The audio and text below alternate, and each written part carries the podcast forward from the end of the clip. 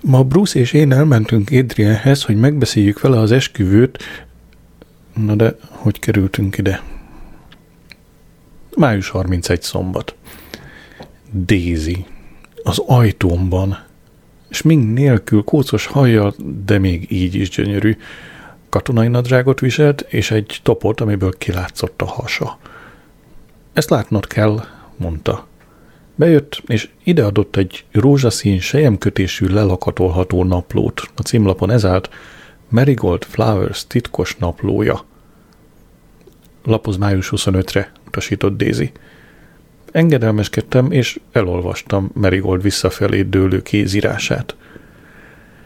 Ma Bruce és én elmentünk Adrienhez, hogy megbeszéljük vele az esküvőt, és hogy mi legyen a gyerekkel, ha megszületett. El akartam mondani Bruce-nak az autóban úton a patkányrakpartra, hogy nem is lesz gyerekem, hogy hazudtam mindenkinek, de nem bírtam rászánni magam. Féltem, hogy elveszíteném Bruce-t. Bevallotta neked, Daisy? kérdeztem. Nem. Felmentem a szobájába, és leszettem a lakatot. Láttam tegnap este a fürdőszobájában, teljesen labos a hasa. Gondoltam, jó, ha tudod, hogy egy fantom gyerek apja vagy. Hát már semmi sem az, aminek látszik, fakadtam ki. Van még méz a teához? Léteznek tömegpusztító fegyverek? Tényleg itt állok, és te hús és vér vagy? Vagy mi is csak hologramok vagyunk, Dézi? Mi hús és vér vagyunk, felelte Dézi. És ha adsz egy kávét, utána be is bizonyíthatjuk. Június egy vasárnap. Egy szempillan, szemhunyást sem aludtam múlt éjjel, Dézivel beszélgettem. Megittunk három üveg bort, megettünk két csomag chipset és hozzá egy nagy szalszát. A desszert egy érett mangó volt, amit már a kádban fogyasztottunk el, mesztelenül. Dézinek sikerült beindítani a CD lejátszót, és a Motown Greatest Hits lemezeire táncoltunk. Még sosem táncoltam mesztelenül. Nem is volt rossz, miután megszoktam, hogy a nemi szervem himbálódzik.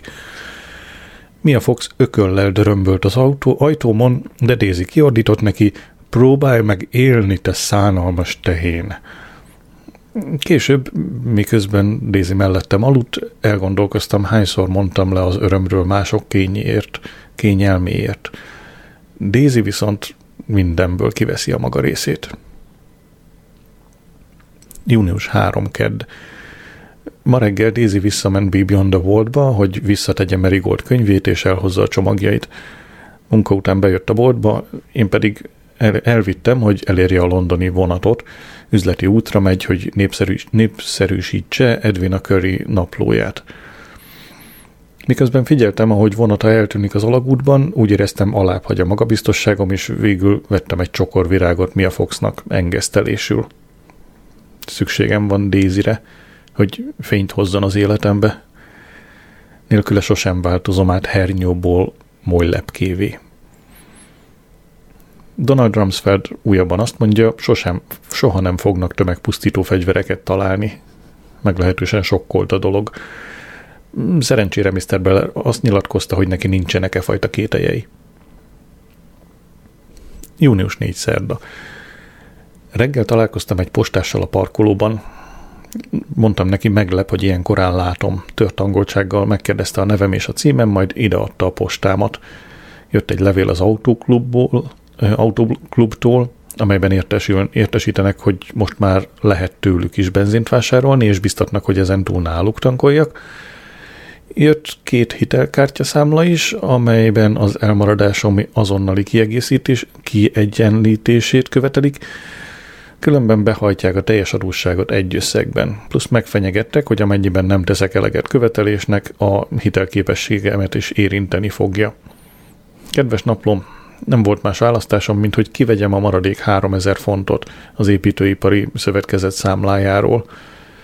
Tőkés rendszerben élek, tőke nélkül. Hova tűnt az a sok pénz? Nincs más nyoma, mint a futonom, meg néhány edény. Június 5 csütörtök beszédes statisztikák. A britek 63%-a szerint Mr. Blair megtévesztette őket az iraki tömegpusztító fegyverekkel kapcsolatban. 27%-uk szerint pedig szándékosan hazudott. Már nem tudom, mit higgyek. Június 6 péntek. Késő estig húztam az igát a boltban. Amikor tízkor eljöttem, a High Street tele volt mindkét nembeli részek fiatalokkal, akik kocsmáról kocsmára tántorogtak. Az út közepén mentem, hogy kikerüljem őket. Erre kis hián elütött egy suhancokkal teli taxi. Az egyikük kiordított az ablakon.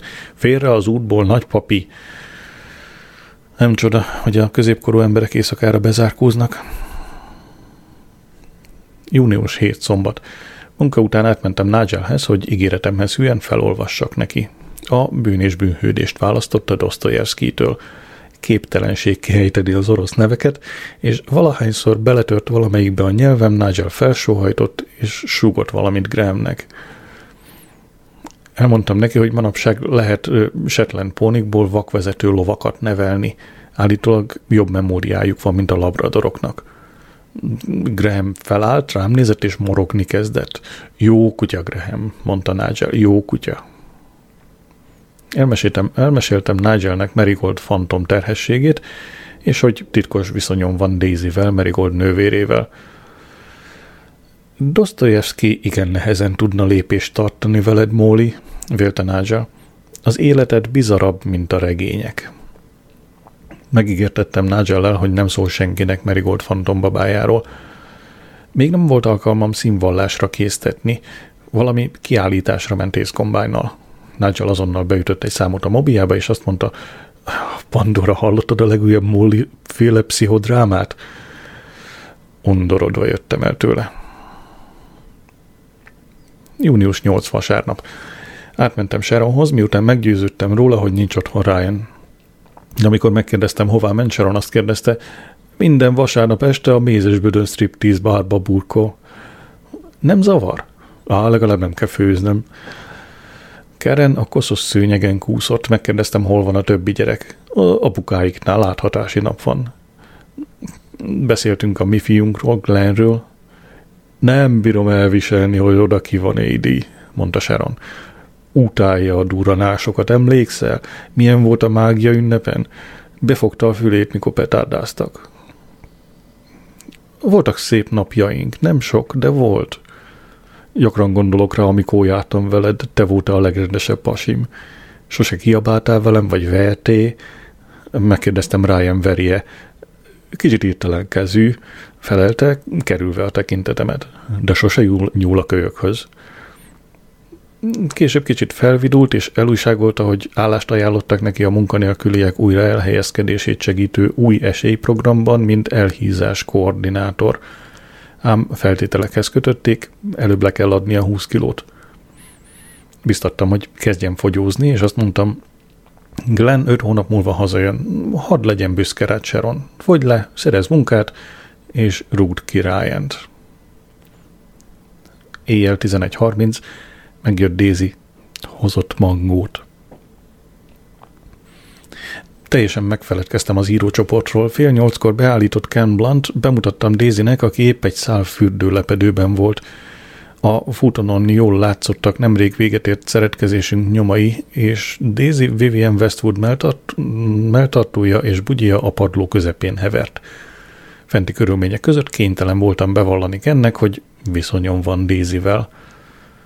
Nekem is van, van egy csajom Nottinghamben, időnként elmegyek hozzá, vallotta Beken. Meg vagyok lepveken, mondtam. Úgy tudtam, boldog házasságban élsz. Pont ezért boldog, felelte. Amiről Glenda nem tud, az nem fáj neki. Kiültünk hármasban az erkére. A hattyúk kitartanak a partnerük mellett? kérdezte Daisy. Hála mélyreható hattyútani ismereteimnek biztosíthattam Dézit, hogy a hattyúk csak akkor válnak szét, ha valamelyikük elpusztul. Megittunk két üveg bort, és a szerelemről beszélgettünk. Ken kisé érzelgős lett, és elmondta, hogy gyakran be akarta vallani már Glendának a Nottinghami nőt. Glenda biztos, hogy megértené, tette hozzá kisé akadozó nyelvvel. Daisy azt javasolta neki, hogy fogja be a száját. Amikor megkérdeztem tőle, mit tenne, ha rájönne, hogy megcsalom, feltámad benne anyja mexikói vére, és azt mondta, kiherélnélek. Kennel kényelmetlenül fészkelődtünk a székünkön. Mindent összevetve nagyon kellemes esténk volt. Amikor Ken elment, Daisy azt mondta, jó, hogy van valaki, aki tud rólunk. Ettől valahogy valósabb lesz az egész. Megkérdeztem, mit szeret bennem, és azt felelte, a kedves arcodat, a kellemes hangodat, és ahogy a hajad kunkorodik a nyakadon. Kicsi csalódott voltam. Azt vártam, hogy az intelligenciámat, a műveltségemet és a bölcsességemet említi. Június 10 kedd. Nehéz eldönteni, hogy Daisy velem él vagy sem. Állandóan úton van. Most éppen Newcastle-be, Newcastle ment, ahol új push-up melltartót mutatnak be a Millennium híd előtt. Mr. E. Moll, négyes lakás, régi elemgyár, patkányrakpart, nagy főcsatorna 2003. június 7, Lester LE1. Sajnálom, fogalmam sincs BBC. Mi? Sajnálom, fogalmam sincs BBC. TV Rádiószékház London VA1, W1A. No. Akkor vége az első levélnek, és a, nem tudom. Ja, az a tárgy, a sajnálom fogalmam sincs. Um, jó, újra kezdjem? Vagy érted? Szóval kapott egy levelet a BBC-től abban a tárgyban, amit a sajnálom fogalmam sincs című műsorról írt. Hmm. 2003. június 7, ez még mindig a levélhez tartozik. Kedves Mr. Moll, köszönöm kedves megjegyzéseit a Sajnálom fogalmam sincs című műsorunkkal kapcsolatban. A Mornington Crescent szabályait jóval azelőtt alakították ki, hogy én ide kerültem gyártásvezető helyettesként, ugyanakkor nem szívesen kérdezném meg a műsor igazgatóját. Mr. Humphrey Littleton időnként nagyon nyers tud lenni, remélem megérti dilemmámat köszönettel, Jessica Victoria Strafford.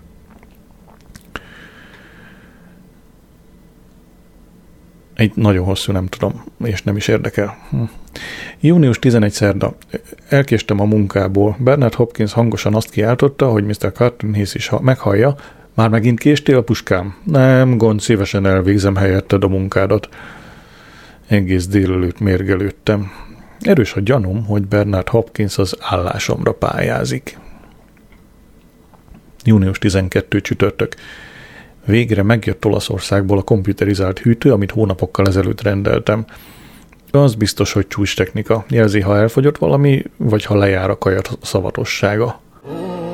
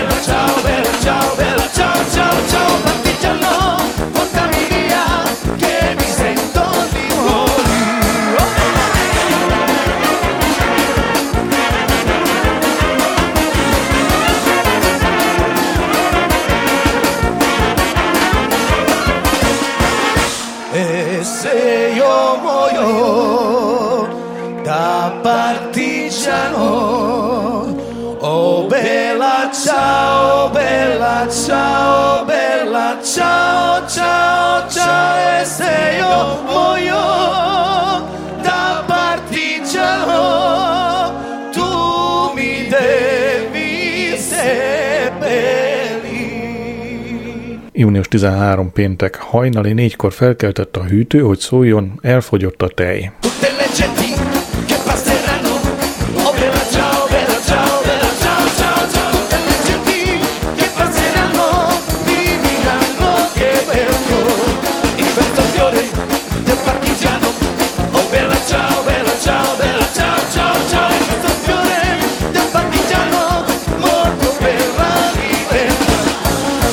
Este kimentem Daisy elé a kelet-közép-angliai reptérre. Dublinból jött haza, ahol egy utazási társaság legény és leány búcsúztató hétvégéit népszerűsítette.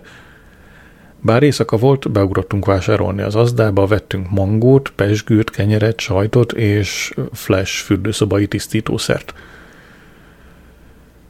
Június 14 szombat. Dézivel megvitattuk, miként adhatjuk, nem miként adjuk Merigold tudtára, hogy rájöttünk a babacselre. Abban maradtunk, hogy elmegyünk Be Beyond the Worldba, és adunk neki egy esélyt, hogy önként megmondja az igazat. Ám miközben öltöztünk, csörgött a telefonom, és Ace Combine szólt bele. Adrian, borzalmas híreim vannak. Attól tartok, Merigold elvetélt, míg távol voltunk. Nagyon levertnek tűnt. Nem volt szívem megmondani neki az igazat, inkább vigasztalni kezdtem. Biztos vagyok benne, hogy még sok-sok közös gyereketek lesz a jövőben. Később Dézivel elmentünk a virágsarokra, és küldtünk Mary Goldnak egy csokrot. Semmi szív alakú, vagy ilyesmi, mondta Dézi a nőnek. A kísérőkártyára ezt írtam. Kedves Marigold, így kellett lennie. Milyen kár. Ölel Adrian. Június 15 vasárnap, apák napja. Ez az apák napja kétségtelenül Gilgudé. Ma hét hattyú fióka úszott el az erkélyem alatt. A bűnrondák, mondtam Dézinek. Én is ronda voltam kiskoromban, felelte. Ráadásul Netta maga köttette az iskola köpenyünket. Még egy mottót is vart rá, nem tudok fizetni, nem is fizetek. Mindig lezavartak az iskolabuszról. Megkérdeztem, milyen iskolába járt, azt mondta, anarchista magániskolába. Délután kiviszem Dézit a disznóhizlaldákhoz, hogy rendesen bemutassam a szüleimnek új minőségében, mint a kedvesemet. Glenn SMS-ezett Irakból, boldog apák napját, nincs képeslap a boltban, nincsenek is boltok. Williamtől nem jött semmi. Átengedtem Dézinek a volánt, így ő vezetett ki a disznóhizlaldákhoz. Gyorsan, de óvatosan vezet. Mindig is utáltam a vidéket, mondta, és idegesített, ha nem érezhettem járdát a lábam alatt, de ez kimondottan tetszik. Ezen ő déllesztesír enyhe lejtőit és erdő alakútjait értette, amiken keresztül hajtottunk. Amikor kiszálltunk, vagyis a hazámnak síkhegyeit. Amikor kizártunk a kocsiból, láttam, hogy anya és vadállat félbehagyja a munkát, apám pedig kijön a lakó autóból, és mind felénk bámulnak. Iván egyenesen Dézihez szaladt, és ráugrott, összesarazva a nadrágját, de Dézit nem zavarta. Kicsit nehezen lépkedett a magas sarkúban, de aztán lerúgta a cipőjét, és szaladt megölelni anyámat. Anyám elvitte Dézit, hogy megmutassa neki a felújított hiz, disznó, disznóhizlaldát, én pedig odaadtam apunak az apák napja ajándékát, Ellen Corell Golf Macskáknak című anekdota kötetét. Gondoltam, ez biztos tetszeni fog neki. A borítóján egy náci egyenruhában golfozó macska látható. Tele van jó poénokkal, mondtam, tetszeni fog. Hányszor kell még elmondanom, Adrian, felelte, hogy soha többé nem kell könyveket olvasnom. A Jonathan a sirályhoz képest ezt hogy sikerült kimondani? Mindegy. Jonatán, jó? Jonatán a sirályhoz képest minden más könyv csak üres szócséplés. Elcsuklott a hangja, mint mindig, ha Jonatánról beszélt. A sirály a képességei határáig hajtotta magát, és belepusztult. Felvágtunk egy kis Mr. Kipling tortát, amit útközben vettünk, meghívtam vadállatot, hogy tartson velünk, de anyám azt mondta, vadállat ma kisé érzékeny Adrian, nem tudja ki az apja. Mikor indulni készültünk, anyám ide súgta, ez a lány egy tündér, Adrian, ne szalaszd el. Beszélj hozzá, mondd, hogy milyen gyönyörű, és vegyél neki virágot. Június 16 hétfő. Kivittem Dézit a londoni vonatokhoz, vonathoz jótékonysági vacsorát szervez a Vakok Intézetében. Glenn telefonált, valahogy más volt, mint szokott, megkérdeztem, mi az a nagy zaj a háttérben. Tűzi játék, apa, válaszolt erőtlenül. Megkérdezte, láttam-e már halott embert, azt feleltem, még nem. Én igen, mondta. Hosszan hallgattunk. Sok mindent szerettem volna mondani neki. hogy szeretem, és hogy sajnálom, amiért kiskorában nem törődtem vele. Ehelyett azonban csak elújságoltam, hogy küldtem neki meg Robinak még könyveket, hogy biztos nem sokára megkapják. Őszintén szólva, apa, nincs túl sok időnk olvasgatni. Tennél egy szívességet? Elmennél abba a boltba, ahol a fölös katonai készleteket árusítják ki, és vennél Robinak meg nekem két pár Altama American harci bakancsot. Biztos megismered őket, a talpa olyan, mint a Cadbury te is, oké? Az én méretem 9-es, Robi 10-es. Amikor páncélozott kocsikon mászunk keresztül, az angol bakancsok elolvadnak a hőségtől. Azt feleltem, hogy holnap megpróbálom beszerezni őket. Elmondta, hogy Robi megtanulta az egyik verset kívülről, megkérdeztem melyiket. Adom, felelte, aztán hallottam, hogy kiabál, Robi, Robi, gyere, mondd el apának azt a verset. De Robi visszakiáltott, nem, nem. Aztán Glenn szólt bele megint, túl szégyellős. Mielőtt letette, megköszönte az angol-arab kártyákat, azt mondta biztos nagy hasznukat veszik. Majd ír Mr. Carton Hayesnek, ha lesz rá módja. Június 17 kedd.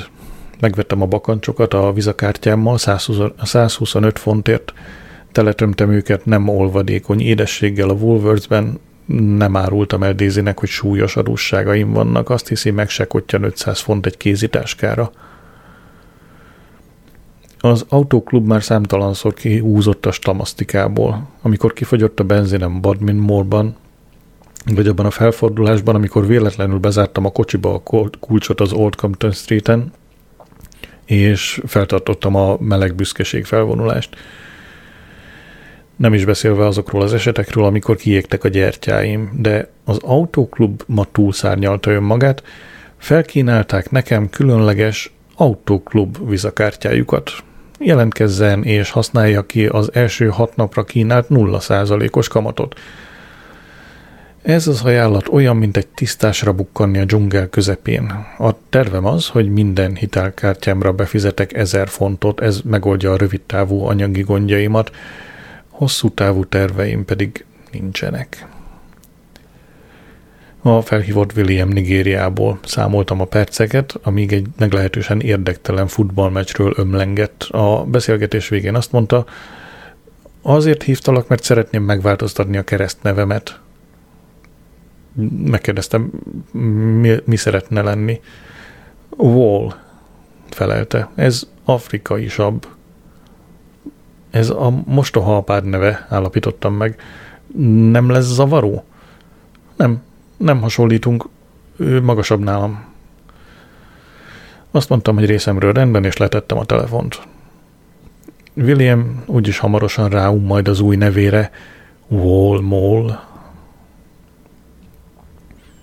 Június 18 szerda. Ma este folytattam a bűn és bűnhődést. Nadja kutyája Graham túltett önmagán. Épp elmosogattam Nadja-nek azt a néhány tányért és poharat, amikor éreztem, hogy Graham a lábamat böködi az orrával.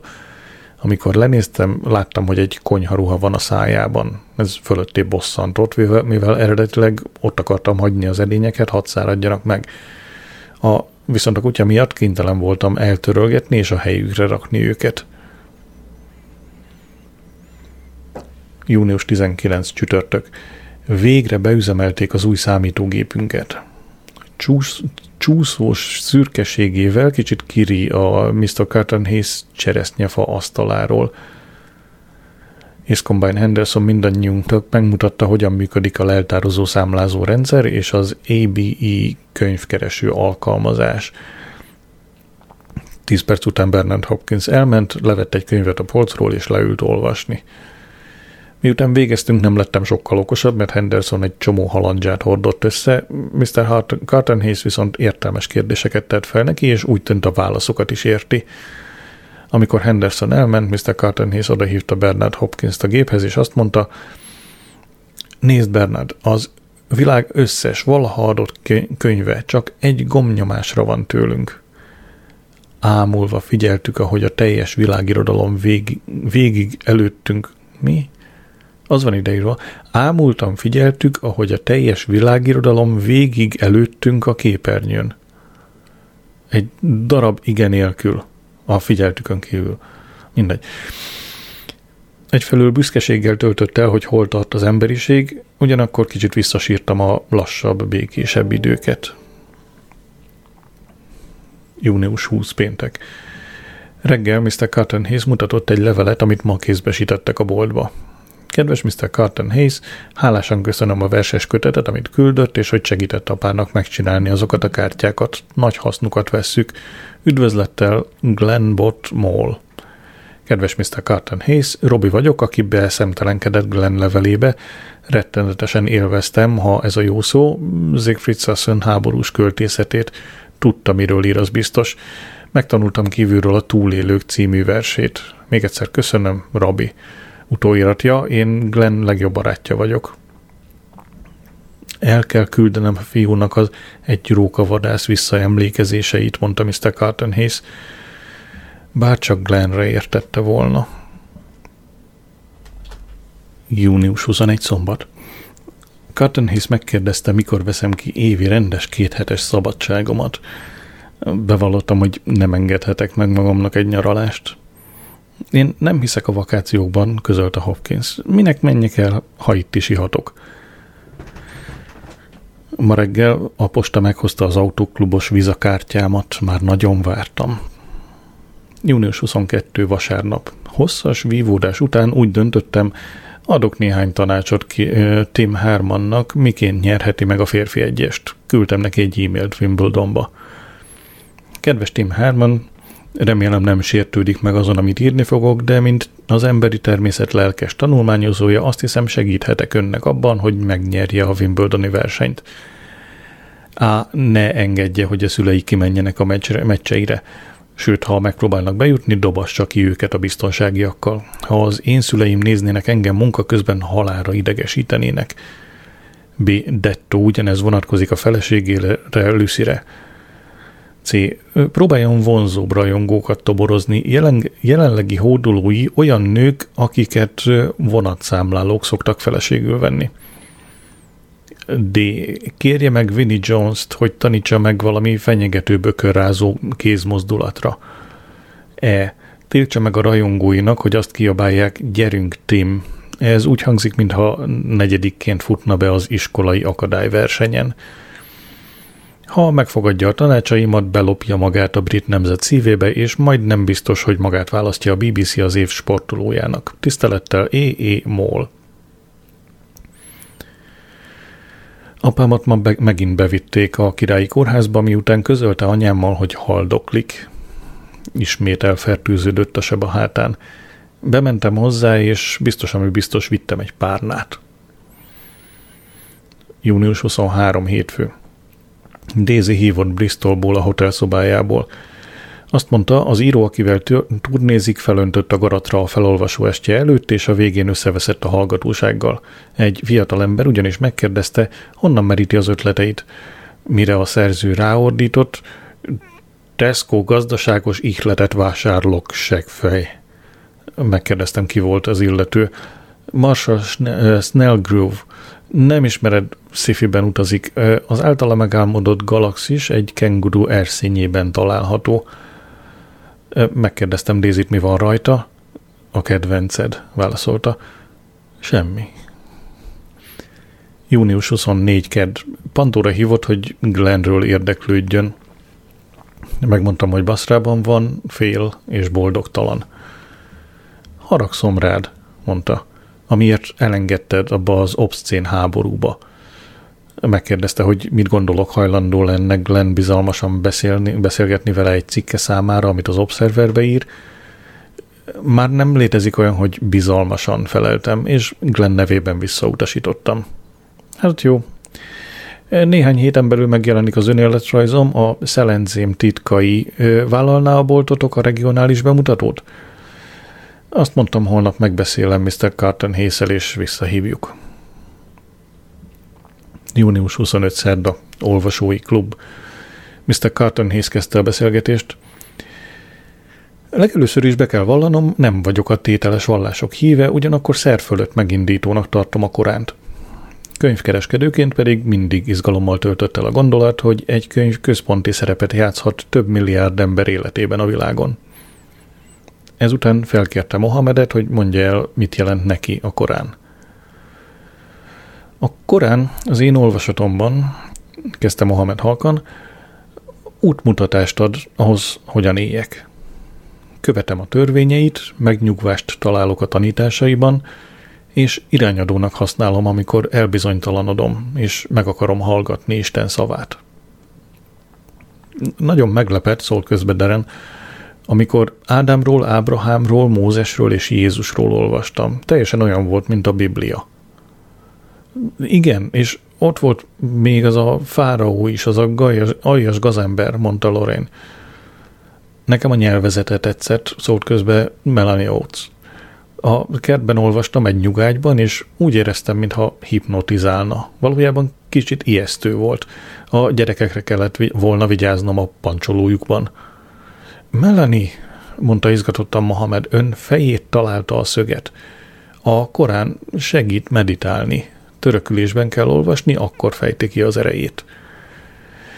Ugyan kicsit, a, kicsit koszos a szőnyeg, vetettem fel, de ha senki sem zavar, hallottam, hogy Mr. Carton Hayes térde megrecsent, amint keresztbe tette a lábait. Mi is csatlakoztunk hozzá. Kört formáltunk, Mohamed pedig kántálni kezdett. Miközben olvasott, a teste ovális pályát követve himbálódzott percenként 60 leütés ritmusra. Allah a könyörületes és az irgalmas nevében dicsőség Allahnak, a teremtmények urának, a könyörületesnek és az irgalmasnak, aki az ítélet napját uralja. Néked szolgálunk és hozzád fordulunk segítségért, vezess minket az egyenes úton, azoknak az útján, akik, ir- akik iránt kegyesnek mutatkoztál, s ne azokén, akiket haragvásod sújt, sem a tévegőkén. Nagyon ritmusos, állapította meg Melanie. Mit gondol, olvasta Flaubert a Koránt? Szinte biztos, felelte Mr. Carton a civilizált világ egyik legnagyszerűbb könyve. Ott maradtunk a földön, és Mohamed elmagyarázta, hogy a személyes korán értelmezéseit, értelmezését nem osztja senki, még a fiai sem. Minden muszlim a saját módján értelmezi a Koránt. Ezt szomorúan hallom, sohajtott Melanie. Azt reméltem, találok néhány egyértelmű szabályt, szabályt az életemre vonatkozóan. A találkozó végén megtapsoltuk Mohamedet, aki azt hiszem nagyon elégedett volt. Május 26 csütörtök. Munka után meglátogattam apát. Anyám már ott ült az ágya mellett, munkásoverában és vasalt csizmában. Épp akkor jött az orvos a néhány napja készített laborvizsgálatok eredményével. Az orvos rózsaszín, kövérkés fickó volt, és Mr. Fortune-nek hívták. George, mondta apámnak. Bejött, amitől féltünk, antibiotikum rezisztens vírusa van. Hurrá, felelte apám. Nem hiszem, hogy tisztában van az állapota súlyosságával. Nyilván azt képzeli, hogy az antibiotikum rezisztencia a passzív rezisztencia rokona. Mr. Fortune anyámhoz fordult az antibiotikum rezisztens vírus kezelése igen nehézsége, igen nehézkes. Már így is rendkívül erős antibiotikum kúrát kap, sokkal többet nem tehetünk. Remélem talpra tudja állítani Mr. Fortune, mondta anyám. Szükségünk van rá a disznó hizlaldákban. Mr. Fortune végigmérte anyámat, ezért úgy éreztem magyarázatra van szükség – Anyám lakóházzá alakítált két disznóhizlaldát. Nagyszerű, örvendezett a doktor. Én egy átalakított tehénistálóban élek. Mikor visszamentem a kocsimhoz, találkoztam vadállattal, aki épp Iván tanította a hátsó lábára állni. Június 27 péntek. Bementem a bankba, és kivettem 2000 font készpénzt az autóklub kártyámról. Aztán befizettem. 1000 font ment a vizára, 1000 pedig a Mastercardra. A banktisztviselő, egy középkorú kilenc tokás hölgy azt mondta, bocsásson meg, hogy beleszólok, de többet fizet be, mint amennyivel tartozik. Szeretne konzultálni a számlamenedzserünkkel? Az autóklub hitele kamatmentes, feleltem. Készpénzre nem, közölte a tokáit rezektetve. Így a tervem, hogy kicsit fellélegezhessek, nem vált be. Belefulladok az adósságaimba. Daisy eljött a hétvégére, kimentem érte az állomásra, két hatalmas bőröndöt hozott magával, tele cipőkkel és ruhával. A certain maid I know is so afraid her beau will never ask her will she name the day he calls on her each night and when she dims the lights ten to one that you will hear her say Oh, Joseph, Joseph, won't you make your mind up?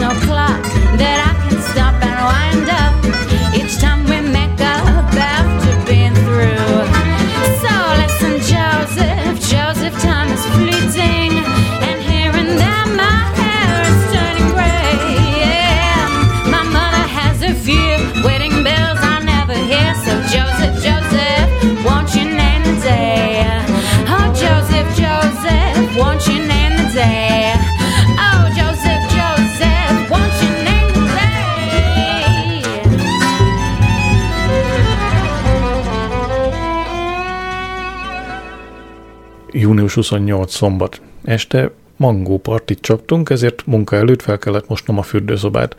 Mikor eljöttem, Daisy az ágyban ölelve, nem, az ágyban ülve az Independent egyik cikkét olvasta Aliról, a kisfiúról, akinek mindkét kezét és lábát levitte egy amerikai bomba. Most itt van Angliában, hogy nagyszabású műtéteket végezzenek rajta. Szerettem volna mondani valamit, de megállapodtunk, hogy nem beszélünk Irakról, a tömegpusztító fegyverekről és Marigoldról. Mire hazajöttem, Daisy elfoglalta a maradék helyet a szekrényekben a holmiával. 27 pár cipője van, némelyikben nem is tud járni, ezért sosem hordta. Átrendezte a bútorokat, és rendbe rakta a könyves polcot. Látszik, hogy vásárolni volt. Fehér virág dísz, díszelgett a konyhapulton, a hűtő pedig tele volt a kedvenc kajáinkkal. Fehér neműink a mosógépben vegyültek egymással. Nem tudom, mi ütött belém, átmentem hófehérkébe, mondta. Erről szokj le, kértem. A háziasság a szerelem halála. Kinyitottam az e-maileket. Cső Móli, jó hírek. Marigold a világ legboldogabb emberévé tett. Vállalta, hogy megbékjóz. Igen, beleegyezett, hogy Mrs. Bruce Henderson legyen. Nem vesztegetjük az időt, július 19-én szombaton kötjük össze az életünket az Örökség Hotelben, Little Smetonban. Megtisztelnél azzal, Móli, hogy a tanum leszel? Merigold is támogatja az ötletet, bár örülne, ha előbb levágatnád a hajad.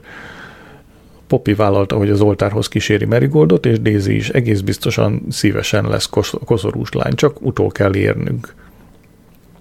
Merigold csodálatosan viseli a baba elvesztését, egyszer sem említi. Barátod Bruce, kérlek mielőbb válaszolj. Később az ágyban Daisy megkérdezte, van-e valami, amit nem szeretek benne. A káromkodásaidat feleltem, és megkérdeztem tőle ugyanezt. Azt, hogy olyan kurva sok könyvet olvasol. Június 29 vasárnap. Ma bevittem daisy apához, már a negyedik antibiotikumot próbálják ki rajta, de nem mutat javulást. Daisy azt mondta, miközben a bakórterme felé tartottunk, hogy évente 5000 páciens hal meg Angliában antibiotikum rezisztencia miatt.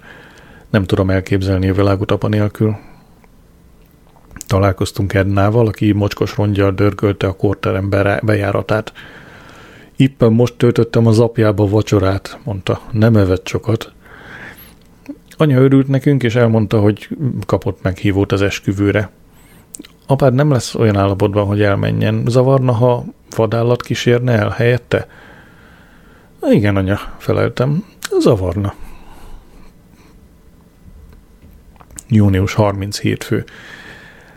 Leveszem a kezem Henmanról. Egy riporter megkérdezte, mit csinál az öltözőben, amikor esőszünet van. Talán olvas? Tim, Anglia egyik hőse és példaképe, azt felelte. Nem, sosem olvasok könyveket, a könyvek unalmasak.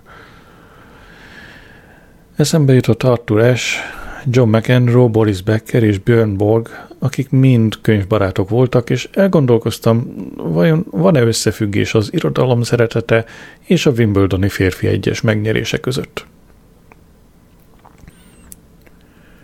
Július 1 kedd. Reggel megjött mind három hitelkártya egyenlegem. Kibontatlanul betettem őket a konyhafiókba. Július kedd szerda. Jojo telefonált Nigériából. A fiat tegnap egész nap várta, hogy megjöjjön a születésnapi ajándéka Angliából. Vérzett érte a szívem. Amikor lefeküdt, azt mondta, anyu lehet, hogy lezuhant a gép, ami apu ajándékát szállította? Megmondtam neki, hogy biztos úgy történt hogy fél óránként ellenőrizte az e-mailjét, és valahányszor megcsörrent a telefon, rohant felvenni. Glenn küldött egy lapot, még barátja Robi is, akit William nem is ismer. Remélem szégyelled magad. Nagyon is, naplom. Hogy feledkezhettem el William születésnapjáról? Miért nem emlékeztetett anya? Július 3 csütörtök levelet kaptam Robitól. Kedves Mr. Moll, ezer köszönet a bakancsért, pont jó. Nagy mázlia volt Glennnek a múltkor, igaz? Azt hiszem, nagyon megviselte, de nem beszél róla. Gondolom önnek többet mondott, mindig emlegeti, hogy magával mindent megbeszélhet. Némelyik iraki egész rendes, de folyton viselnünk kell a sisakunkat. Van, hogy követ kapunk, van, hogy golyót. Már nem osztunk cukorkát a gyerekeknek. Jó lesne most egy kis angol eső, 35 fok van árnyékban a lap végére értem, úgyhogy elbúcsúzom. Minden jót, Robi. Azonnal hívtam Sharont, hogy tud-e valamit Glennről. Azt mondta, Glenn felhívta az éjszaka közepén, de olyan rossz volt a vonal, hogy nem értette, amit mond. A Honvédelmi Minisztérium összes vonala foglalt volt. Este tíz óra. Henman négy szedben kikapott a negyed döntőben Sebastian akárkitől, ide van egy szó írva, amit nem fogok elolvasni. Az utolsó szett alig 32 percig tartott. Mondanom sem kell, hogy a felesége és a szülei végignézték a mérkőzést. Hát hiába írogatok neki. Július 4 péntek, a függetlenség napja Amerikában. Bementem apuhoz a kórházba. Edna elmesélte neki, hogy a bevándorló menekültek lopják a királynő hattyúit és megsütik őket. Állítólag több mint száz hattyú tűnt el a londoni Eastonből a Lee folyóról. Edna szerint a menekülteket haza kéne küldeni, bármilyen véres rezsim elől is futnak. Láttam, hogy apa szíve szerint igazat adna Ednának, be se, be se befogta a száját, az van ideírva, be se befogta a száját. Na de ki vagyok én, hogy kijavítsam a könyvet. Hogy felvidítsam, megvettem neki a lövegek és rakéták legfrissebb számát, ez egy útmutató fegyverbarátoknak. Egyetlen nővért sem láttuk a közelben, ezért Ednával mosdattuk meg apát, és tiszta pizsamát adtunk rá. Hazafelé a kórházból Peter Ellen és Jane Garvey-t hallgattam a Five Live-ban. A hattyúevő menekültekről beszéltek. Mr. Garvey szerint ez csak egy városi legenda, mint a halott nagyi, akit szőnyegbe csavarva szállítottak egy autó tetején. A, egy Wolverhamptoni betelefonáló ellentétes véleményem volt, azt kiabálta, hogy a hattyúzabáló menekülteket 5000 fontra kéne megbüntetni, vagy 6 hónapra bevágni a sítre. Szerintem ez fölösleges túlzás. Elvégre minden hattyú kártevő. Vagy kártevő. Július 5 szombat, Levél Glentől. Kedves apa, bocsi, hogy nem írtam, nem nagyon van időm. Amikor nem őrjáratozunk, akkor eszünk, mosunk és alszunk. A jenkik mázlisták, nekik van légkondiuk. Nekünk nincs, nem tudom miért. Robi és én ma reggel megkaptuk a bakancsokat. Tök jók, köszi szépen. A srácok örültek az édességnek, még egyszer köszi. Apa, halvány dunstom sincs, mit keresek itt. Az emberek fele örül, hogy Saddam eltűnt, a másik fele viszont ki akar nyírni minket. Csak az a gáz, hogy nem tudjuk megkülönböztetni az egyiket a másiktól. Az egyik szakács, Tommy Cumberbush, Cumberbush olvasott egy szakácskönyvet, amit te írtál évekkel ezelőtt, amikor Robi mondta neki, hogy az öregem vagy, Tomi kért tőlem egy autogramot. Alig várom az eltávot, apa. Heróton van tőle, hogy folyton fel akarnak robbantani. Az úttorlaszok a legrosszabbak. Megpróbáltuk Edivel használni a kártyákat, de a szakaszunk mellé vezényelt iraki tolmás azt mondta, hogy borzasztó elavult az arab szöveg, és nem azt jelenti, ami a másik oldalon van angolul.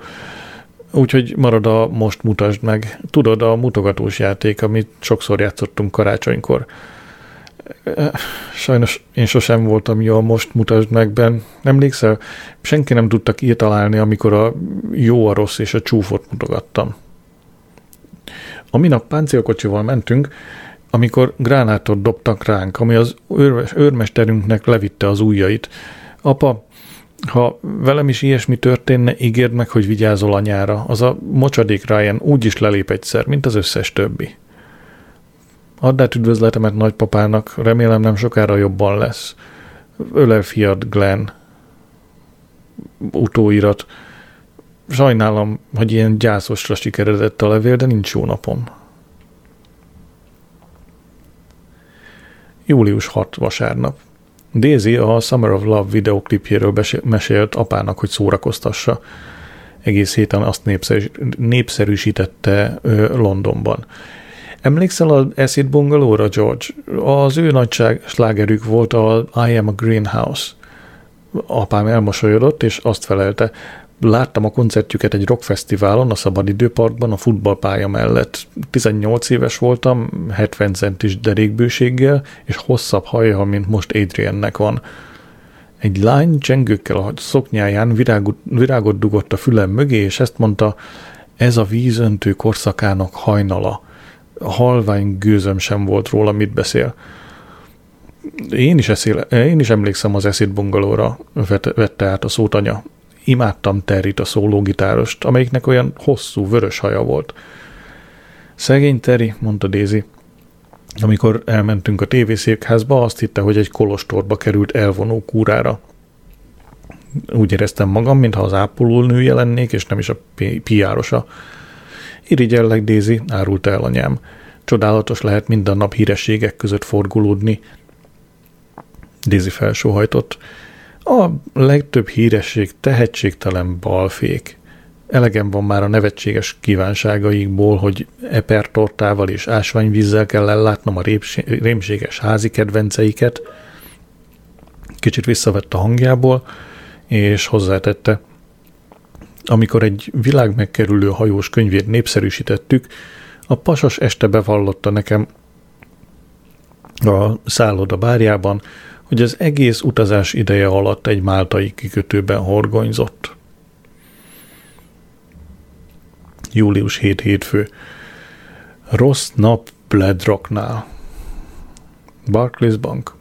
Kedves Mr. Moll, hitertörlesztés elmaradás. Azért írok, hogy tájékoztassam, a folyószámláján nincs fedezet az alábbi tételek rendezésére, biztosítás 40 font, Debenems 200 font, jelzálog 723 font 48 penny. A fenti tételek után egyenként 35, kezel, 35 font kezelési költséget számolunk fel a kondíciótáblázatunknak megfelelően. Kérem mielőbb rendezze egyenlegét, hogy a jövőben ne fordulhassanak eső elő hasonló kellemetlenségek. Köszönettel Jason Latch, személyi számla menedzser. Barclays Bank. Kedves Mr. Moll, elutasított csekk. Szeretném tájékoztatni, hogy a kínai sárkánynak kiállított 58 fontról szóló 001876 sorszámú csekkét elutasítottuk fedezett hiány miatt. 25 font kezelési költséget terheltünk a számlájára a fenti üzlet, ügylet kapcsán a kondíciótáblázatunknak megfelelően. Köszönettel Jason, Jason Latch, ö, személyi számlamenedzser. 130 font, két levélért. Kísértést éreztem, hogy írjak valami csúnyát Jason Latchnek, de nem tudnám kifizetni a válaszát.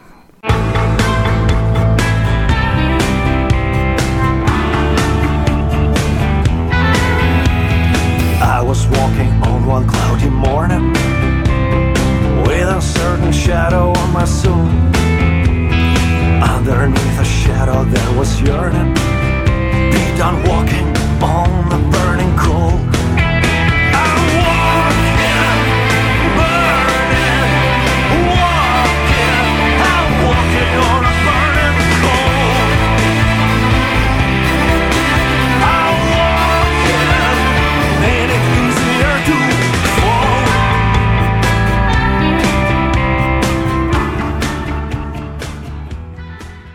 Július 8 kedd, újabb levél a bankból.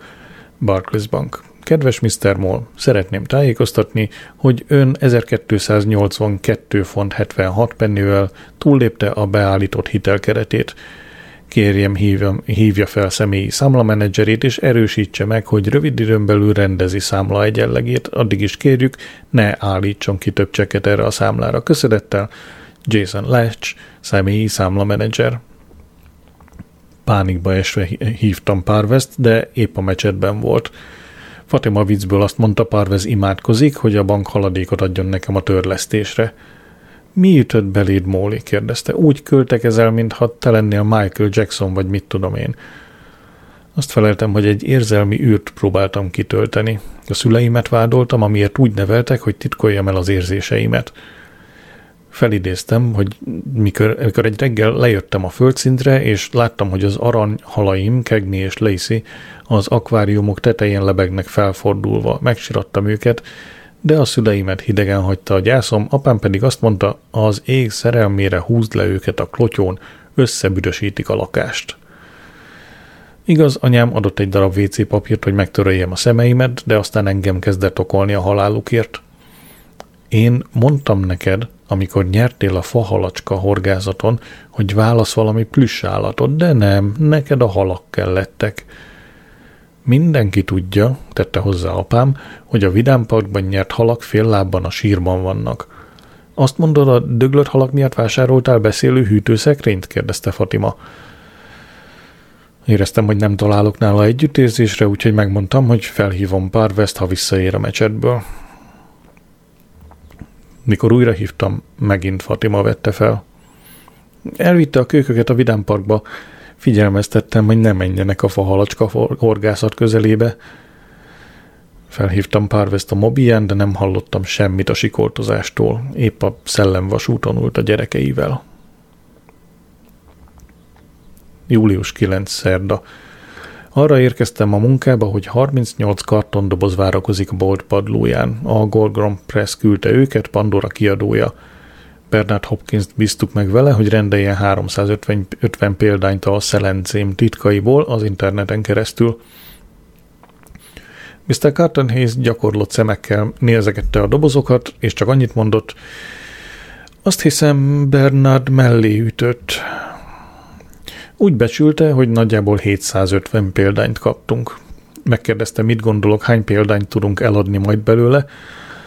Bevallottam, hogy Pandora semmit sem mondott az önéletrajza tartalmáról. A főnökem ide adott egy példányt. A borítón Pandora szépséges, durcás arra, arca, a nevét mintha rúzsal a homlokára írták volna.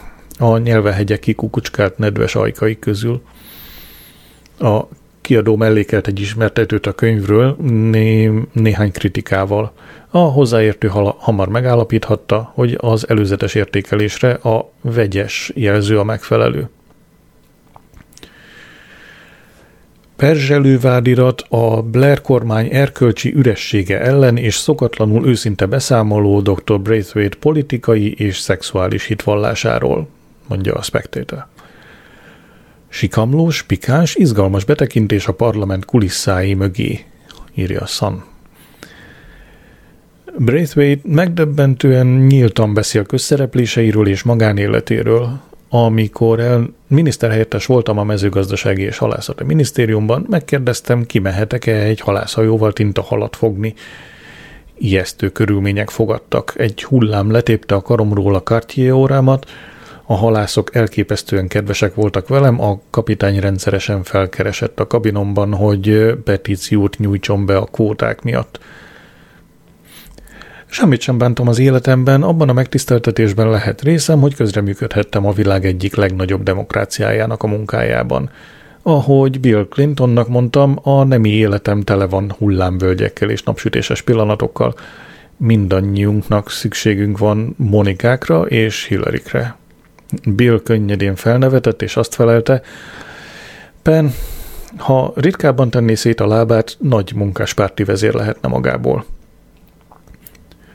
A mutatóhoz lapoztam. Megijesztett, ugyanakkor hízelgett is, hogy Moll Adrian három bekezdésben is szerepel. 17. oldal. Az első fiúm egy szégyellős, pattanás srác volt, Adrian Moll. Az iránta érzett szenvedély elfette előlem hiányosságait, volt valami fő emlősi a szerelmemben, meg akartam védeni a valóságtól. 38. oldal. Politikai eszmélésem egybeesett szexuális érésem kezdetével. A szerelem tiltakozó mozgalmat robbantott ki az iskolai egyenruha szabályzat ellen, amely szerint kizárólag fekete zoknit lehetett hordani. Adrian igen merészen piros zokniban jött be egy nap. Ez volt az első szervezett tiltakozó akció, amelyben részt vettem. Akkor a forradalom és engedetlenség szimbólumát láttam a színválasztásban. Adrian azóta bevallotta, hogy azért viselt, feket, azért viselt piros zoknit, mert a fekete mosásban volt. 219. oldal Együtt vacsoráztam egyszer egy mollal a titkos szolgálatról, aki elmondta, hogy a szeptemberi dosszié, amelyben egy, arról értesítették Mr. Blatt, hogy Irak tömegpusztító fegyverei 45 percen belül bevethetők Ciprus ellen, figyelmen kívül hagyta a legfrissebb jelentésekben rejlő ellenmondásokat és körülményeket. Visszalapoztam az indexhez. A szeretők címszó mellett 112 nevet találtam, nem elírás, 112. Én egy kezemen meg tudom számolni a nőket, akikkel testi kapcsolatba kerültem. Mr. Carton Hayes elolvasta a Gorgon Press számláját. Azt mondta, attól tartok, a számítógépünk szörnyű hibát követett el, 750 példányt rendelt, ráadásul nem is bizományba – mindet ki kell fizetnünk eladástól függetlenül, de kétlem, hogy ennyi példány elfogjon. Megígértem Mr. Carton Hésznek, hogy csinálok egy kis hírverést Pandora szombati dedikálásának.